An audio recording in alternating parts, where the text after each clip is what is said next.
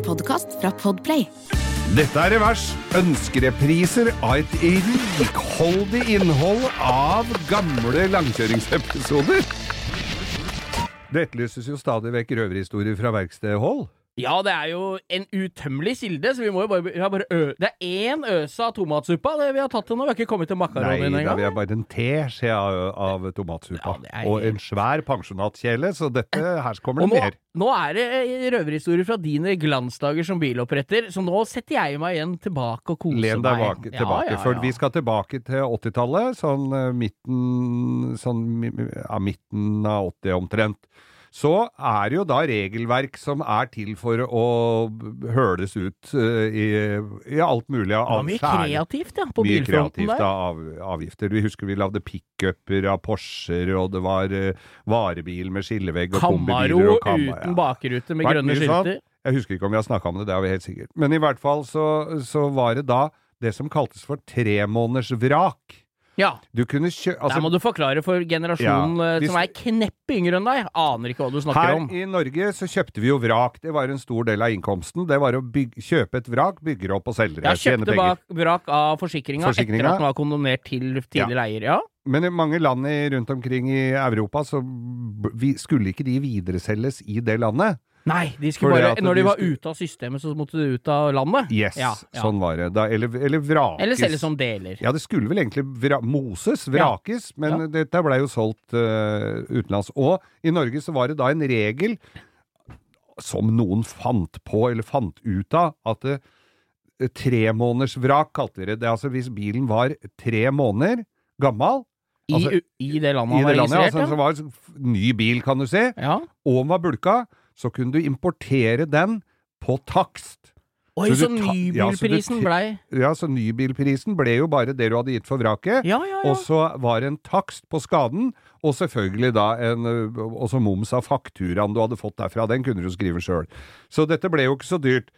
Og da kom det jo kliss nye biler til landet. Noen av dem var bare å skifte en skjerm på, kanskje, eller noe småtteri.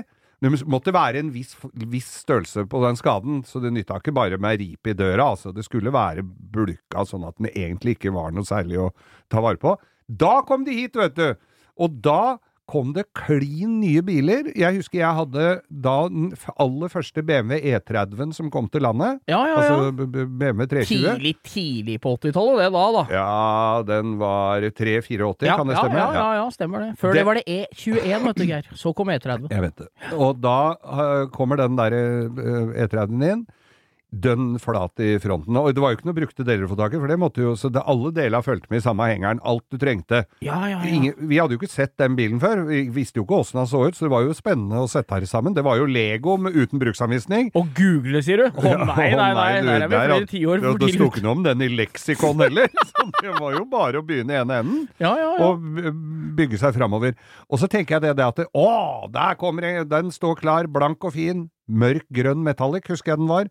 Og så kommer det en og skulle, skulle jo ha den, for, for det var jo fremdeles den første BMW E30-en som kom til landet. Og han får jo da den første, som da er altså et, et vrak som har vært mosa i Tyskland, og så bygd opp her av litt kjipe sjeler.